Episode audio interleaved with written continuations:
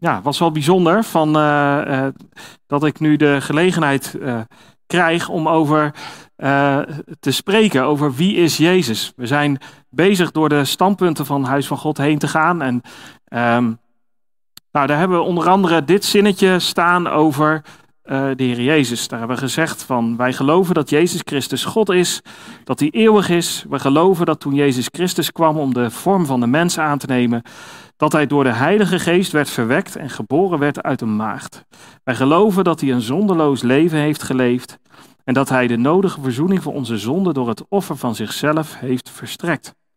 En we geloven dat hij drie dagen na zijn dood en begrafenis weer opstond uit de dood. Maar als je erover nadenkt, denk ik van, um, ik, ik, ik vond het zo moeilijk in de voorbereiding. Waar, waar ga ik het nou over hebben? Ik bedoel, waar kan ik het uh, niet over hebben?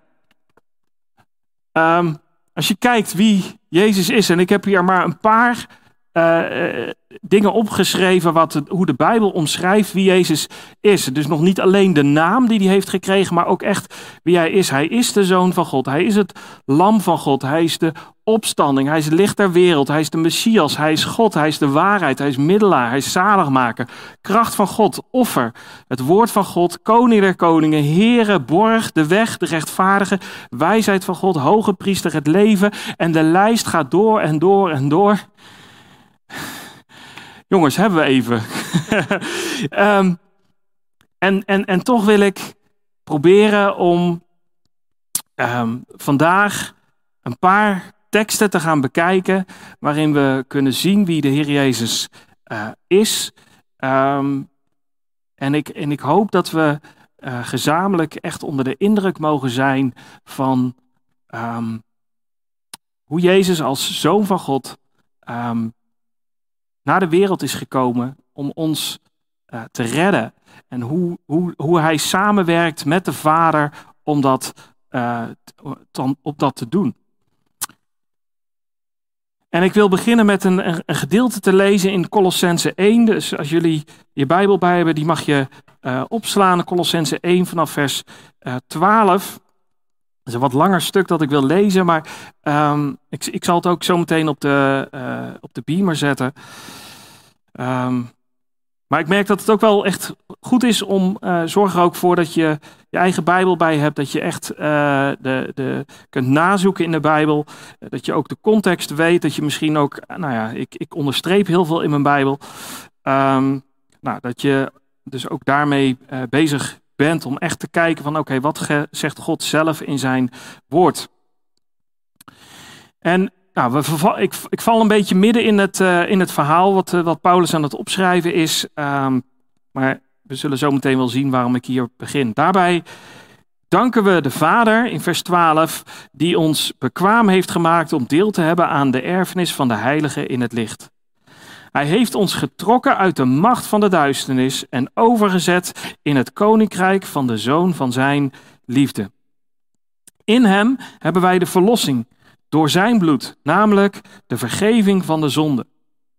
Hij is het beeld van de onzichtbare God, de eerstgeborene van heel de schepping. Want door hem zijn alle dingen geschapen die in de hemelen en die op de aarde zijn, die zichtbaar en die onzichtbaar zijn, tronen, heerschappijen, overheden of machten, alle dingen zijn door hem en voor hem geschapen. En hij is voor alle dingen en alle dingen bestaan tezamen door hem. En hij is het hoofd van het lichaam, namelijk van de gemeente. Hij die het begin is, de eerstgeboren uit de doden, opdat hij in alle de eerste zou zijn. Want het heeft de Vader behaagd dat in hem heel de volheid wonen zou. En dat hij door hem alle dingen met zichzelf verzoenen zou, door vrede te maken door het bloed van zijn kruis. Ja, door hem, zowel de dingen die op de aarde zijn, als de dingen die in de hemelen zijn. Ja, hier wordt zoveel over gezegd. Hier zouden we, de, ik denk, de hele ochtend, eh, de middag nu zo mee bezig uh, kunnen zijn. Maar er zijn een, een paar dingen um, die, die, die, die bij mij hier er echt uitsprongen. En waar ik even bij stil wil staan. En um, dat, eigenlijk zie je hier terugkomen in dit gedeelte dat Jezus gewoon letterlijk het middelpunt is van de schepping. Het middelpunt van, um, van alles. Um, in vers 15 zie je terugkomen, hij is het beeld van de onzichtbare God, de eerstgeborene van heel de schepping. Want door hem zijn alle dingen geschapen die in de hemelen en die op de aarde zijn. Die zichtbaar en die onzichtbaar zijn. Tronen, heerschappijen, overheden of machten, alle dingen zijn door hem en voor hem geschapen. Dus door Jezus heen is alles geschapen en het is ook voor Jezus geschapen. En dan staat er ook nog, en hij is voor alle dingen en alle dingen bestaan tezamen door hem. Dus Jezus is ook nog de kracht eigenlijk die alles bij elkaar houdt. Dit is wat we in Johannes 1, vers 1 tot 3 ook zien uh, terugkomen. In het begin was het woord en het woord was bij God en het woord was God. Dit was in het begin bij God. Alle dingen zijn door het woord gemaakt en zonder dit woord is geen ding gemaakt dat gemaakt is. En het woord legt dan eh, vers 14 ook uit, is vlees geworden en heeft onder ons, gewo eh, onder ons gewoond. En uh, we hebben zijn heerlijkheid gezien van de Vader. En um, uh, vol genade en waarheid, zegt, uh, zegt, zegt Johannes daarover. En dit, het woord is Jezus. En je ziet dus dat het woord uh, was bij God en het woord was God. Dus Jezus was God. En alle dingen zijn door het woord gemaakt. En zonder dit woord is geen ding gemaakt dat gemaakt is. Dus Jezus heeft, door Jezus heen is alles gemaakt. En dat zie je eigenlijk al terugkomen in Genesis 1, als je dat wel eens is opgevallen. Van, uh, misschien dacht je wel eens van, hé, hey, waar was de Heer Jezus eigenlijk in hoofdstuk 1 van Genesis? Nou, elke keer als je het woordje God zei, ziet terugkomen, God sprak, dan weet je dat is Jezus. God zei, laat er licht zijn en er was licht. Jezus is het woord en God heeft alles geschapen door Jezus heen. In 1 Korinthe 8, vers 6 staat dat ook beschreven. Toch is er voor ons voor één God, de Vader, uit wie alle dingen zijn, en wij voor Hem, en één Heere, Jezus Christus, door wie alle dingen zijn, en wij door Hem. Dus God is de, de, de, de, de, de bron van, van, van deze hele schepping, die is uit um, alle dingen zijn uit hem, maar hij heeft alles geschapen door Jezus heen. En als we dan naar het leven van Jezus gaan kijken, dan zien we dat Jezus geboren was uit een maagd. Dat hebben wij, uh, nou, hebben wij in, de, in, de, in de, de standpunt hebben dat staan. En dat is een, is een belangrijke, want, want de, nou, de Bijbel legt ook uit wat er aan de hand was. op een gegeven moment krijgt Maria een bezoek van uh, de engel. En um, zij snapt eigenlijk niet helemaal wat er gaat gebeuren. En, en uh, uh, de, de, engel gaat hem, legt dan vervolgens uit van de Heilige Geest zal over u komen en de kracht van de Allerhoogste zal u overschaduwen. Daarom ook zal het heilige dat uit u geboren zal worden, Gods zoon genoemd worden. Maria had geen seks gehad uh, met Jozef, ze had met niemand seks gehad, ze was volkomen maagd. En God heeft uh, in haar baarmoeder een baby geschapen, een, een, een, embryo geschapen waarin uiteindelijk uh, ja, Jezus, en die opgroeide. Um, en doordat dat door de Heilige Geest is gebeuren, gebeurd, hè, zegt, zegt de Bijbel ook van, daarom zal het ook Gods zoon genoemd worden. En als we dan gaan kijken naar het leven van Jezus, Jezus groeide op. Uh, we weten dat hij op een gegeven moment in, op 12-jarige leeftijd al bijzondere wijsheid uh, vertoonde. Um, maar we weten nog veel meer over Jezus. We weten ook dat de Heer Jezus een zonde, zondeloos leven leiden.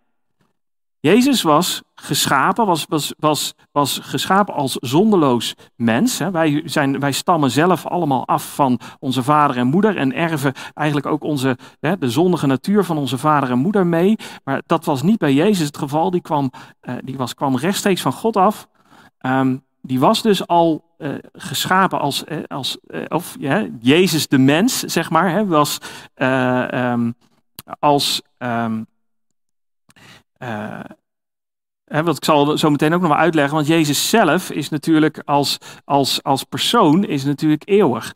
Um, maar de mens Jezus, die werd, ja, die, die, die, die werd geboren als zonderloos mens. En de Bijbel maakt ook duidelijk dat hij ook zonderloos geleefd heeft.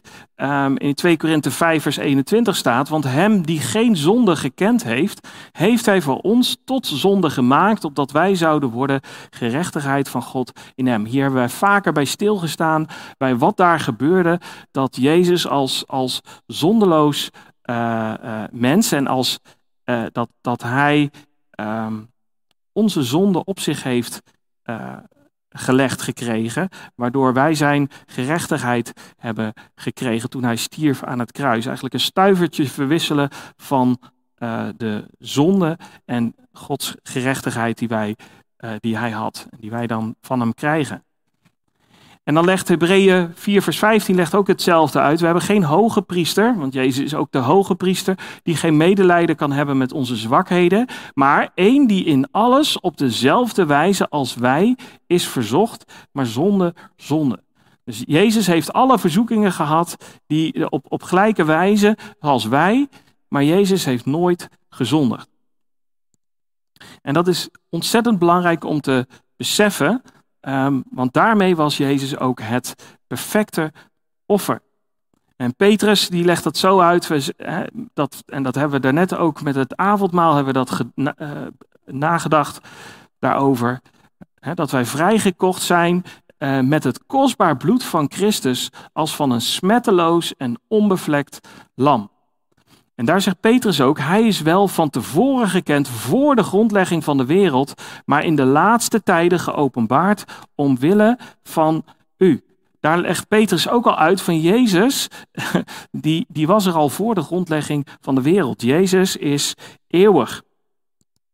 En in Hebreeën 9, vers 26 vinden we ook, nu is hij bij de voleinding van de eeuwen eenmaal geopenbaard om de zonde te niet te doen door zijn offer. Jezus heeft uh, de prijs betaald met zijn offer. Er is maar één offer nodig en dat is het offer van Jezus. En, en, en daarmee zijn alle zonden vergeven van ieder die in hem gelooft.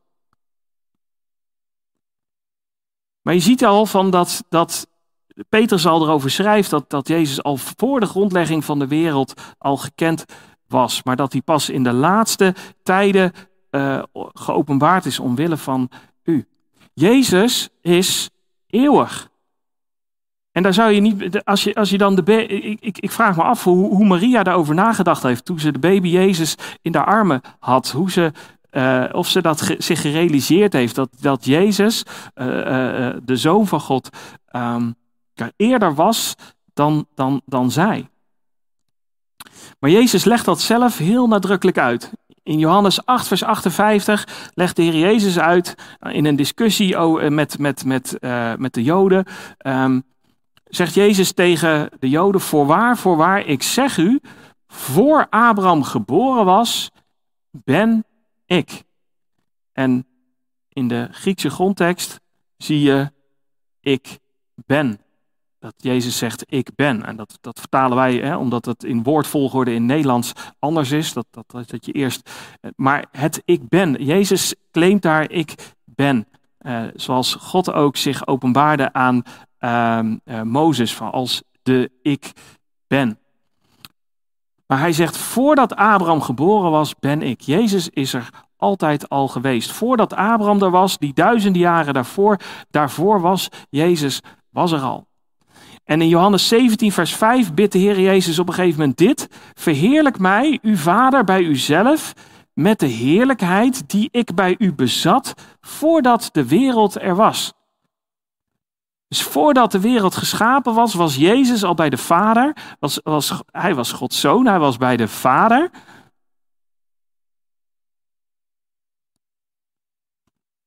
En hij, zegt, hij vraagt dan, wilt u mij verheerlijken met de heerlijkheid die ik had voordat de wereld er was? Jezus is eeuwig. Jezus heeft geen, net zoals de Vader, heeft hij geen begin en geen uh, einde. Maar dat levert wel eens verwarring op. Sommige mensen die lezen de Bijbel wel eens wat, ja, wat verkeerd of proberen die verkeerd te interpreteren. Soms doelbewust, soms per ongeluk. Um, maar Johannes 3, vers 16 zegt dit. Want zo lief heeft God de wereld gehad dat hij zijn enige geboren zoon gegeven heeft, opdat ieder die in hem gelooft niet verloren gaat, maar eeuwig leven heeft. Um, en, en daar zou je dus dan eigenlijk bijna uit kunnen concluderen van ja, maar oh ja, Jezus is natuurlijk uh, uh, wel geboren ook als zoon. En sommigen leggen dat dan uit van ja, zie je, hij, is, was, hij was de eerstgeborene als zoon. Maar als je naar dit woord kijkt, in de grondtekst, zie je een, een, een Grieks woord, monogenes. En um, dat, dat, dat, wordt, dat is heel lastig te vertalen. En uh, in het Engels hebben ze dan bijvoorbeeld de only begotten son hebben ze vertaald. Um, maar dat gaat eigenlijk over de enige in zijn soort binnen een specifieke relatie. Um, in Hebreeën 11 vers 17 zie je dat terugkomen. Dat Abraham, uh, dan wordt gesproken over de zoon van Abraham, de enige geboren zoon van Abraham. En die wordt Isaac genoemd. Maar Abraham had meerdere zoons. Maar Isaac was de zoon van de belofte. En, en op zo'n manier wordt dan dat woordje uh, gebruikt. En ook wel uh, uniek in zijn soort. En dat is wat Jezus is. Jezus is de zoon van God. Um, wij worden, als wij een kind van God worden, zegt de Bijbel ook, worden wij aangenomen als zonen van God. Zonen en dochters van God. Maar dat, wij zijn totaal anders dan de Jezus. De Heer Jezus is de Zoon van God, de eeuwige die altijd al bij de Vader was. Of zoals Hebreeën 13 vers 8 ook zegt, Jezus Christus is gisteren en heden dezelfde en tot in eeuwigheid. Um, net zoals God de Vader onveranderlijk is, uh, is, is Jezus ook onveranderlijk.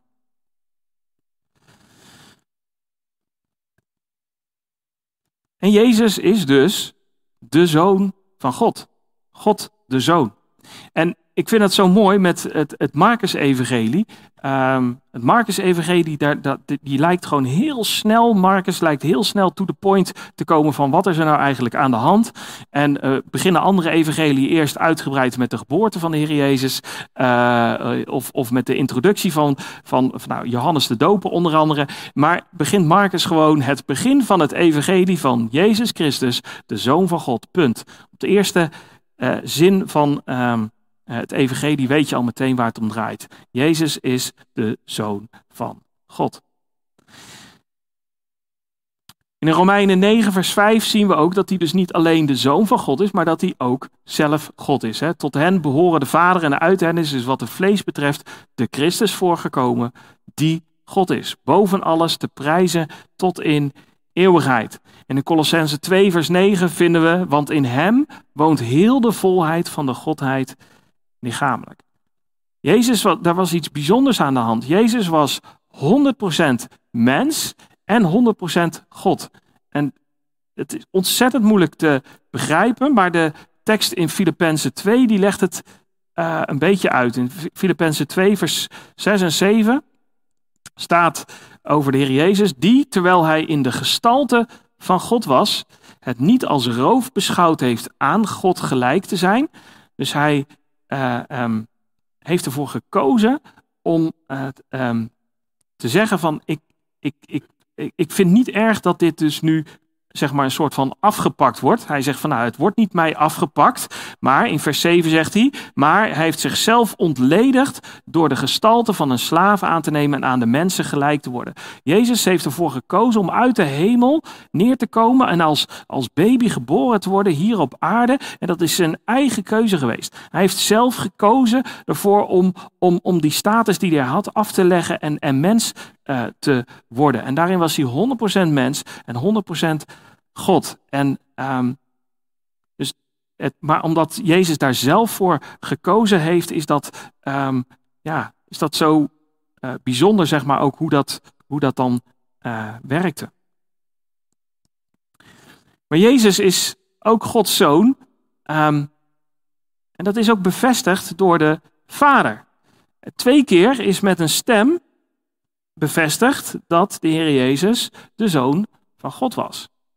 Um, bij de doop van uh, de Heer Jezus, toen hij gedoopt werd door Johannes de Doper, zei, kwam er een stem uit de hemel: Dit is mijn uh, geliefde zoon in wie ik mij wel behagen heb. Um, maar ook toen op een keer de Heer Jezus, Petrus, Jacobus en Johannes met zich meebracht en hen op een hoge berg bracht, alleen hen. En dan staat er, en hij werd voor hun ogen van gedaante veranderd. Daar zien we al iets gebeuren dat, wat, wat, wat machtig aan de hand is. Want Jezus was mens, maar er gebeurde daar iets dat hij totaal van, van gedaante veranderde. Zijn gezicht straalde als de zon, zijn kleren werden wit als licht. En zie aan hen verschenen Mozes en Elia die met hem spraken.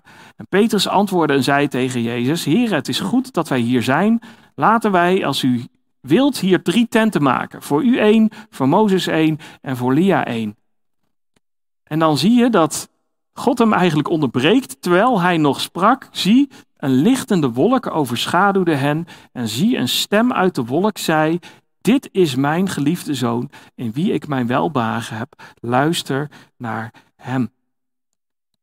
God zelf heeft getuigd over de Heer Jezus dat het Gods zoon is, dat het zijn geliefde zoon is en dat we naar hem moesten luisteren. En Petrus, die schrijft daar later over in zijn brief. En die zegt van, we zijn geen kunstig bedachte verzinsels gevolgd. We hebben niet zelf iets bedacht of andere mensen hebben iets bedacht en dat is goed in elkaar gezet en dat zijn we maar achterna gegaan. Nee, hè, hij heeft gezegd, we zijn die niet nagevolgd toen wij u de kracht en de komst van onze Heer Jezus Christus bekend maakten. Nee, wij zijn ooggetuigen geweest van zijn majesteit. Hij heeft gezien wie Jezus was. Gods zoon. Want hij heeft van God de Vader eer en heerlijkheid ontvangen toen een stem als deze van de verheven heerlijkheid tot hem kwam. Dit is mijn geliefde zoon in wie ik mijn welbehagen heb. En deze stem hebben wij gehoord toen deze vanuit de hemel kwam, terwijl wij met hem op de heilige berg waren. Dus je ziet Petrus daarop terugkijken en, en hij zegt van dit is niet iets dat we zelf verzonnen hebben. Dit is God die uh, onszelf heeft laten zien. Dit is Gods zoon. Maar als je de evangelie gaat lezen, zie je op dat Gods zoon, dat, dat Jezus als Gods zoon vele malen herkend en erkend werd. De discipelen hebben het op, op, op keren zien gebeuren toen er grote wonderen gebeurden, bijvoorbeeld op het, uh, uh, op het meer. Um, toen kwamen zij, hè, toen, toen, waren degenen die in het schip waren, die waren, kwamen Jezus aanbidden en zeiden, werkelijk, u bent de Zoon van God. En het, je moet maar eens gaan lezen in de evangelie. De, de, mensen zeggen wel eens, ja, Jezus zei, claimde zelf niet zo heel vaak dat hij God was. Je ziet, je ziet maar op een paar plekken zie je terugkomen dat, dat Jezus zelf zegt, ik ben God. Maar als je goed gaat kijken, zie je het constant door alle evangeliën terugkomen. En dit is één zo'n plek. Um, wat er namelijk gebeurd is, de discipelen aanbidden Jezus.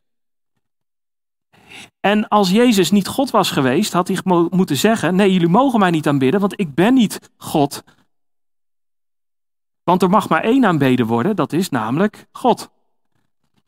Maar Jezus laat het toe. En zo, als je door de Bijbel heen gaat, dan zie je heel vaak in de Evangelie dat terugkomen dat er mensen zijn die God, eh, die Jezus op dat moment aanbidden als God, en dat Hij ze daar niet van weerhoudt, dat Hij uh, uh, dat toestaat. En daarmee erkent Hij dus ook van: ik ben God. Jezus zegt op een gegeven moment in, in, in, in, in, in de geschiedenis met Lazarus, die, die gestorven is, zegt hij tegen um, de zus van Lazarus, ik ben de opstanding en het leven. Wie in mij gelooft, zal leven, ook al was hij gestorven. En ieder die leeft en in mij gelooft, zal niet sterven in eeuwigheid. Gelooft u dat? Dus Jezus zegt tegen haar, ik ben de opstanding en het leven. Wie in mij gelooft zal leven, ook al was hij gestorven. Daarmee daar, dat claimt, daar, daar claimt de Heer Jezus iets, iets geweldigs. Hè. Daar, daar claimt hij dat hij uh, uh, God is.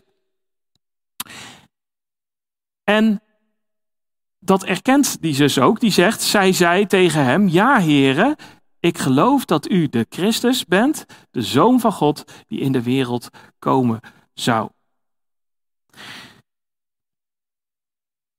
En zelfs de, de hoofdman over honderd, die, die erkende, toen er al die dingen gebeuren, gebeurden, toen de Heer Jezus gekruisigd werd, zei hij werkelijk, dit, wat, dit was Gods Zoon. En zelfs de demonen die op aarde waren op dat moment, uh, die erkenden voortdurend, u bent de Christus, de Zoon van God. Maar de Heer Jezus bestrafte hen en liet hen niet toe te spreken, omdat zij wisten dat hij de Christus was. Um, nou, waarom, dat, waarom de Heer Jezus dat deed, daar, daar, zou je nog eens een andere keer over na kunnen denken. Um, maar je ziet op, op zoveel plekken werd de Heer Jezus erkend en herkend als de Zoon van God. En als je gaat kijken naar het Johannesevangelie, Johannes zelf schrijft van ik heb dit evangelie geschreven, deze dingen zijn beschreven opdat u gelooft dat Jezus de Christus is, de Zoon van God, en opdat u door dat te geloven het leven zult hebben in Zijn naam. Johannes heeft het hele evangelie opgeschreven zodanig dat wij uh, uh, zullen geloven dat Jezus de Christus is, de Zoon van God. En opdat u, door dat te geloven, het leven zult hebben in zijn naam. Hij zegt hier van dit is de, Jezus is de beloofde Messias. Mensen, ik, ik weet niet of, of mensen daar wel eens bij stilstaan. Van, uh, sommige kinderen denken dat Christus een soort van uh, achternaam is van de Heer Jezus. Dat hij Jezus heet en dan als achternaam Christus. Maar dat, dat, dat is niet zo. Christus is het uh, Griekse woord voor Messias. Hetzelfde woord. Nou, ben je nog niet heel veel verder. denk je, oké, Messias is dan uh, het, het, het, woord uit het Oude Testament. Maar dat betekent gewoon de gezalfde. In het hele Oude Testament stond de Messias aangekondigd als de redder van uh, Israël. En um, uh, Johannes zegt van ja, ik heb dit evangelie geschreven zodat je zou geloven dat Jezus de Messias is, de gezalfde, degene die beloofd was en dan ook dus de zoon van God. Um, dus ja, ik, ik, ik denk dat voor mij, ik heb al wel eens vaker verteld, dat Johannes Evangelie een van de mooiste uh, uh, boeken vindt in de Bijbel. Um, waarin je zo van dichtbij Jezus ziet en, en zo van dichtbij kan, kan proeven hoe, hoe hij met mensen omging en hoe uh, hij liet zien dat hij God was. Dat, dat, ja, ik vind het een prachtig boek, maar goed, de, de, de, de andere evangelie zijn wat dat betreft net zo uh, uh, mooi. Uh, en de andere boeken uit de Bijbel net zo goed mooi. Um,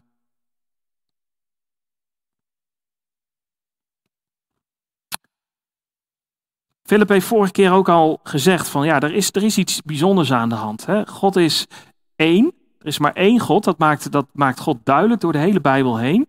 Um, en toch zie je wel iets bijzonders ontstaan. Je hebt God de Vader, God de Zoon en God de Heilige Geest. En, ze, hè, en, en, en hij heeft eens die driehoek laten zien van, van die, die uh, visualiseert hoe dat dan is. Dat de Zoon is niet de Vader en de Zoon is niet de Heilige Geest. Uh, maar ze zijn wel allemaal God. Um, maar ik wil, ik wil wat, wat, wat teksten ook nu laten zien, die laten zien dat, dat er ook weer echt wel degelijk verschillen zijn tussen de Zoon, de Vader en de Heilige Geest. Die hebben echt verschillende uh, rollen. Je ziet bijvoorbeeld in de Bijbel dat God de Vader staat boven de Zoon. En God de Vader heeft zijn zoon naar de aarde gestuurd. God de Vader heeft zijn zoon alle macht gegeven. God de Vader heeft het oordeel overgegeven aan zijn zoon. God de Vader heeft het koningschap gegeven aan zijn zoon. En God de Vader heeft de gelovigen gegeven aan zijn zoon. En zijn, zo zijn er nog veel meer dingen die God gegeven heeft, God de Vader gegeven heeft aan zijn zoon.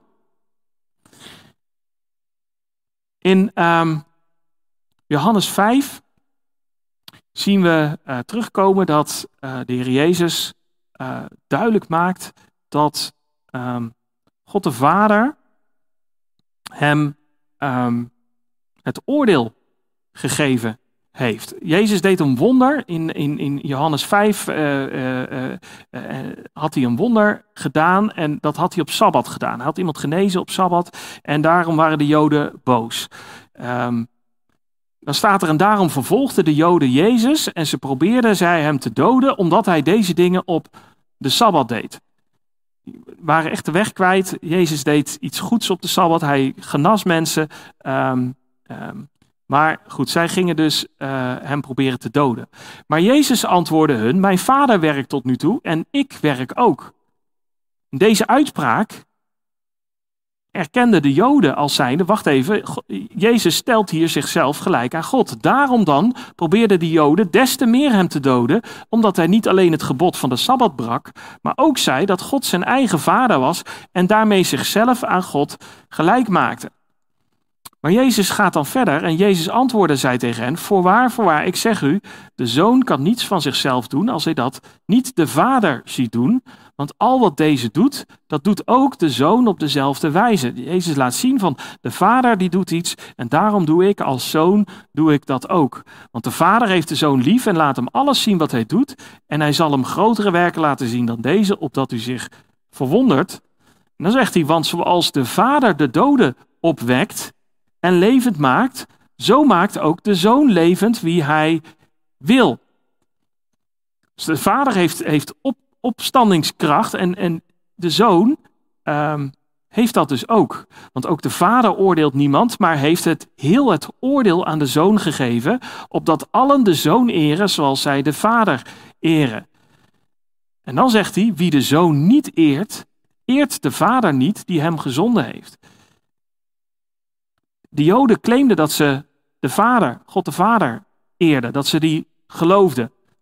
Maar Jezus maakt duidelijk, als jij de Zoon niet eert, eer je de Vader ook niet die hem gezonden heeft. Want God heeft, God de Vader heeft Jezus naar de aarde gestuurd om zijn werk te doen. Voorwaar, voorwaar, ik zeg u, wie mijn woord hoort en hem gelooft die mij gezonden heeft, die heeft eeuwig leven en komt niet in de verdoemenis die komt niet in het oordeel, maar is uit de dood overgegaan in het leven. Dit zijn hele belangrijke teksten. Als jij het woord van Jezus hoort en God gelooft, God de Vader gelooft, die Jezus gezonden heeft naar de aarde, die heeft eeuwig leven en komt niet in de verdoemenis, maar is uit de dood overgegaan in het leven. Gaat de Heer Jezus verder, voorwaar, voorwaar, ik zeg u, de tijd komt en is nu dat de doden de stem van de Zoon van God zullen horen en dat wie hem horen, zullen leven. Want zoals de Vader het leven heeft in zichzelf, zo heeft hij ook de Zoon gegeven het leven te hebben in zichzelf. God de Vader heeft dat uh, gegeven aan de Zoon om het leven te hebben in zichzelf. En hij heeft hem ook macht gegeven om oordeel te vellen, omdat hij de Zoon des mensen is. God de Vader heeft het oordeel overgegeven aan Jezus. Verwonder u daar niet over, want de tijd komt waarin alle die in de graven zijn zijn stem zullen horen en zij zullen eruit gaan, zij die het goede gedaan hebben tot de opstanding ten leven, maar zij die het kwade gedaan hebben tot de opstanding der verdoemenis. Dan zegt Jezus, ik kan van mijzelf niets doen. Zoals ik hoor, oordeel ik, dus zoals hij van de Vader hoort, oordeel ik en mijn oordeel is rechtvaardig, want ik zoek niet mijn wil, maar de wil van de Vader die mij gezonden heeft. Maar ik heb een getuigenis dat groter is dan dat van Johannes, want de werken die de Vader mij gegeven heeft om die te volbrengen, juist die werken die ik doe, getuigen van mij dat de Vader mij gezonden heeft. Dat is ook een belangrijke tekst. Hij, hij legt uit dat um, al die wonderen die de Heer Jezus deed, waren ter bevestiging van het feit dat hij werkelijk de Zoon van God was. En dat God hem gezonden had hier naar de aarde uh, uh, om Gods werk te doen.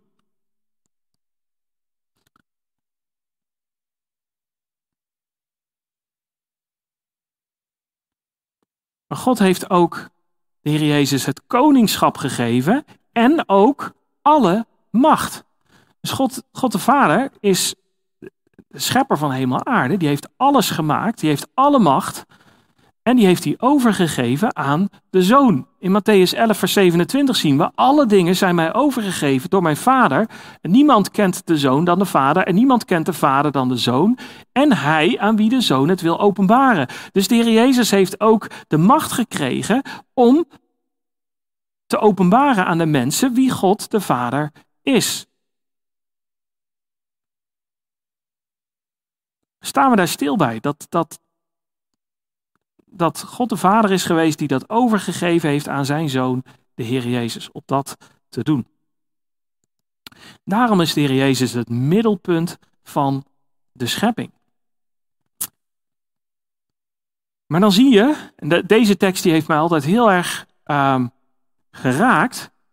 Daar zie je iets, iets, iets prachtigs terugkomen. In 1 Korinthe 15 wordt, wordt, wordt van alles uitgelegd over uh, um, de sterven en over de opstanding. Um,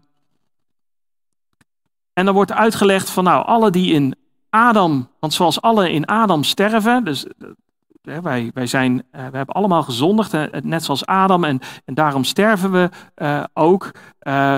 Maar dat legt hij ook uit, zo zullen ook in Christus allen levend gemaakt worden. Ieder echter in zijn eigen orde. Dus eigen, er zit een eigen volgorde aan. Christus als eersteling, daarna wie van Christus zijn bij zijn komst. Daarna komt het einde. Dan staat er, wanneer hij het koningschap aan God en de Vader heeft overgegeven wanneer hij alle heerschappij en alle macht en kracht heeft teniet gedaan. Dus Jezus gaat uh, de wereld oordelen. Jezus gaat over alle machten en alles gaat hij een einde brengen. Want er staat er, want hij moet koning zijn totdat hij alle vijanden onder zijn voeten heeft gelegd. Iedereen zal erkennen dat Jezus Heer is. En de laatste vijand die teniet gedaan wordt is de dood. Dan zullen we ook eeuwig leven met Jezus. En dan staat er immers, alle dingen heeft hij aan zijn voeten onderworpen. Dus alles is onderworpen aan de Heer Jezus. Wanneer hij echter zegt dat aan hem alle dingen onderworpen zijn, is het duidelijk dat hij die zelf alles aan hem onderworpen heeft, namelijk God de Vader, hiervan is uitgezonderd. En wanneer alle dingen aan hem onderworpen zijn, dan zal ook de zoon zelf zich onderwerpen aan hem, de Vader, die alle dingen aan hem onderworpen heeft, opdat God alles in alle zal zijn. Ja, ik vind dit, ik vind dit zo'n um, prachtig beeld van hoe God één is. Hoe, hoe um, God de Vader, God de Zoon, God de Heilige Geest één zijn. Um, uh, maar drie verschillende persoonlijkheden. En die, die op een prachtige manier samenwerken. Waarbij God de Vader het hoofd is. En dan komen we uit op wie Jezus is. De gekruisigde Messias, de kern van het evangelie. Jezus is gestorven voor onze zonde. Hij is opgestaan uit de dood. In 1 Korinthe 15 vinden we dat zo. Want ik heb u ten eerste overgeleverd wat ik ook ontvangen heb: dat Christus gestorven is voor onze zonde, overeenkomstig de schriften, en dat hij begraven is en dat hij is opgewekt op de derde dag, overeenkomstig de schriften. Het is de kern van het evangelie. Jezus is gestorven voor onze zonde aan het kruis. En als je gaat kijken van hoe de Bijbel dat, dat, dat uitlegt, dan zie je in, um, um, in Romeinen 3 dit, dit op zo'n zo manier verwoord. Nu is zonder de wet gerechtigheid van God geopenbaard, waarvan door de wet en de profeten is getuigd, namelijk gerechtigheid van God door het geloof in Jezus Christus tot allen en over allen die geloven, want er is geen onderscheid. We hebben gerechtigheid van God gekregen doordat Jezus in onze plaats aan uh, uh, in onze plaats gestorven is, onze zonde heeft gedragen, waardoor wij zijn gerechtigheid hebben gekregen. Want, legt hij uit, allen hebben gezondigd en missen de heerlijkheid van God en worden om niet, dus gratis, gerechtvaardigd door zijn genade, door de verlossing in Christus Jezus. Hem heeft God openlijk aangewezen als middel tot verzoening door het geloof in zijn bloed. Jezus is het middelpunt van de schepping. En het sterven van de, van, de, van, van, van de Heer Jezus zou je eigenlijk kunnen zien als het middelpunt misschien wel van de tijd. Waarin, waarin alles om draait. Namelijk dat, dat, dat de, de, de Heere God ehm, de mensen die in, in Hem geloofden verzoende met Hem door het bloed van de Heer Jezus. Dat had als doel om zijn rechtvaardigheid te bewijzen vanwege het voorbijgaan aan de zonde die eertijds hadden plaatsgevonden onder de verdraagzaamheid van God. Dat hebben we ook wel eens uitgelegd van, van God heeft naar deze wereld, kijkt naar deze wereld en die heeft al in het Oude Testament heeft hij al zoveel geduld gehad met de mensen en al die mensen die zondigden en zondigden, heeft God toch laten leven in plaats van dat hij ze meteen liet sterven. Maar dat was allemaal zeg maar, heeft God dat allemaal toegestaan. En, en, en, en eh, omdat, wat, um, uh, omdat hij uiteindelijk mensen kon gaan rechtvaardigen door het geloof in de Heer Jezus. Doordat Jezus het ultieme offer is. Dan staat er, legt hij uit, hij deed dit om zijn rechtvaardigheid te bewijzen. Nu in deze tijd, zodat hij zelf rechtvaardig is en rechtvaardig degene die uit het geloof in Jezus is. He, dus God is een rechtvaardige rechter, hij moet alles oordelen. Al onze zonden moeten geoordeeld worden, maar als jij gelooft in de Heer Jezus, dan heeft de Heer Jezus heeft jouw straf betaald. En God is een rechtvaardige rechter en die gaat niet twee keer dezelfde uh, straf bestraffen of de, hetzelfde uh, zonde bestraffen. Um, Jezus heeft betaald voor onze zonde en daarmee uh, is God rechtvaardig en hij rechtvaardigt degene die uit het geloof in Jezus is. En dat is de kern van het evangelie. En dat was voor de Joden, legt Paulus uit. Wij prediken echter Christus de gekruisigde. Wij prediken echter dus de Messias, de gezalfde, de gekruisigde voor de Joden een struikelblok.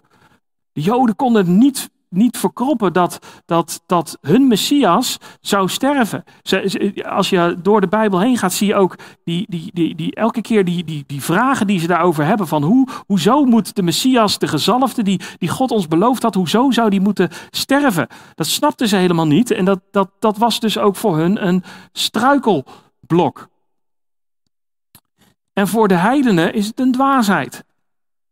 Als je, als je naar de wereld om ons heen kijkt, die zeggen, hoezo gaat degene die, die alles gemaakt heeft, hoezo gaat degene uh, die, die perfect is, zonder zonde, hoezo gaat hij in jouw plaats, gaat hij sterven? Dat is een dwaasheid. Maar voor hen die geroepen zijn, zowel Joden als Grieken, prediken wij Christus. Dat is het, de kracht van God en de wijsheid van God. Dit is Gods wijsheid geweest. Dit is Gods kracht geweest om Jezus voor onze zonde in onze plaats te laten sterven aan het kruis.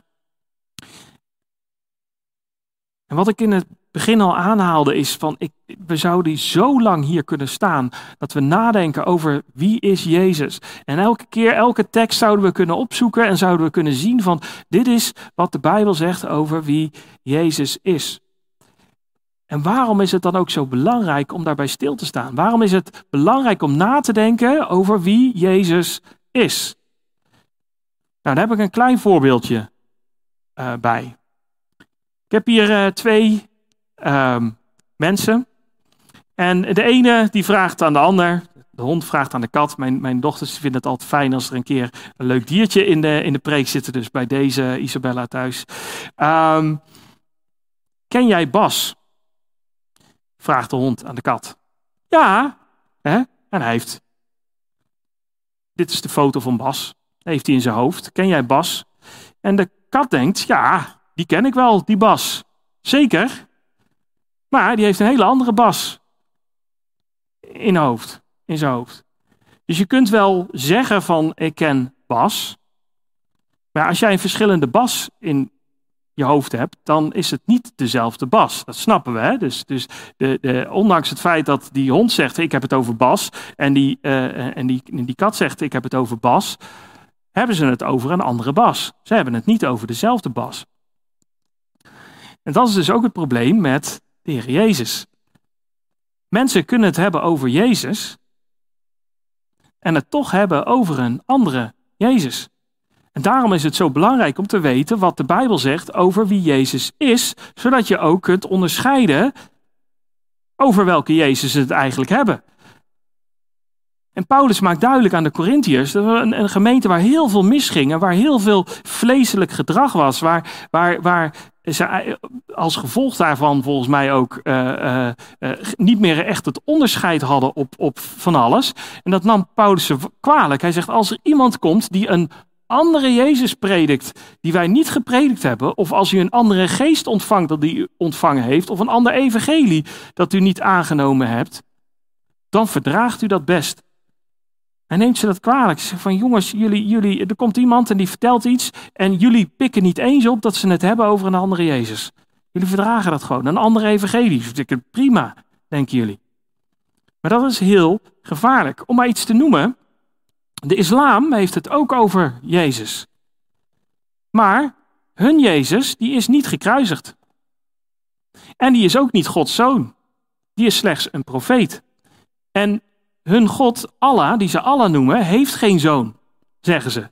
Dus is die God niet God de Vader, maar een afgod. Als zij het over Jezus hebben, hebben ze het dus over een andere Jezus, want die Jezus is niet gekruisigd. Is niet Gods zoon in hun ogen. Of de Mormonen. De kerk van Christus van de Heilige der Laatste Dagen heet die ook wel. Die zeggen dat Jezus en Satan broers zijn. En, en, die, en die zeggen van dat je gered moet worden nou, nadat je van alles hebt gedaan. Eh, dan, dan word je dan toch nog, maar dat is redding eigenlijk nawerken. En, en, en de Jehovah-getuigen, of de wachttorengenootschap beter, die zegt hun Jezus en Michael, Michael, de aartsengel, zijn hetzelfde. Hun Jezus is geen God. Hij, zij, zij, noemen dat Jezus hetzelfde is als een engel. Maar de Hebreeënbrief maakt duidelijk dat Jezus ver boven de engelen staat. Dus dit is ook een andere Jezus. Maar bijvoorbeeld ook de Word of Faith beweging.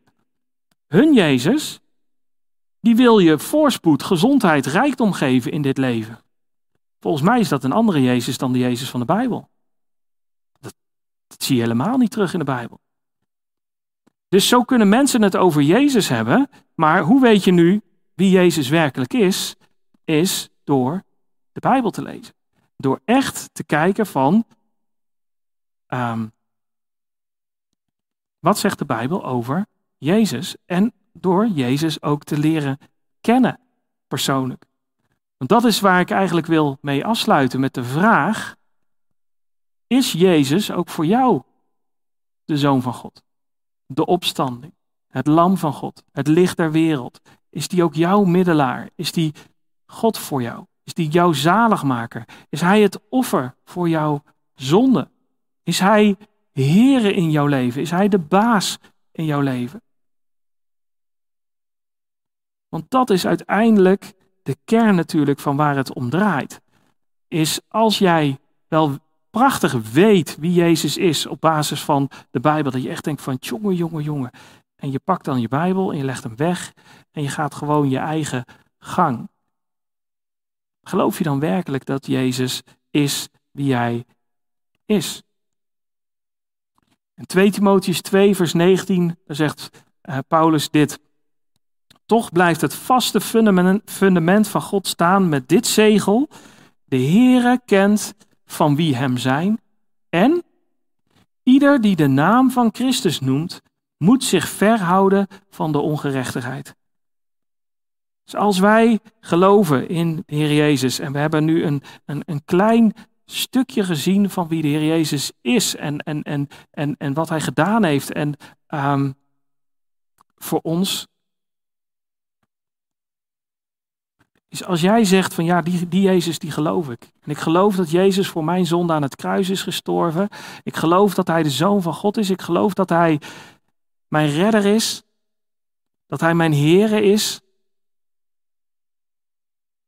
Ik geloof dat Hij uit de doden is opgestaan. Dat Hij nu leeft in de hemel. Dat Hij daar, nou, dat Hij straks gaat terugkomen. Al die dingen. Als je dat allemaal gelooft, dan zegt de Bijbel, als je de naam van Jezus noemt, moet je je ook verhouden van de ongerechtigheid. Dat betekent ook dat je moet leven zoals God wil dat je leeft. Want dat is wat Jezus ook zei hè, in, in, in, in de Bijbel. Dat de Jezus zei van, als je mij lief hebt, zul je doen wat ik zeg. Zul je mij gehoorzamen. Zullen we bidden.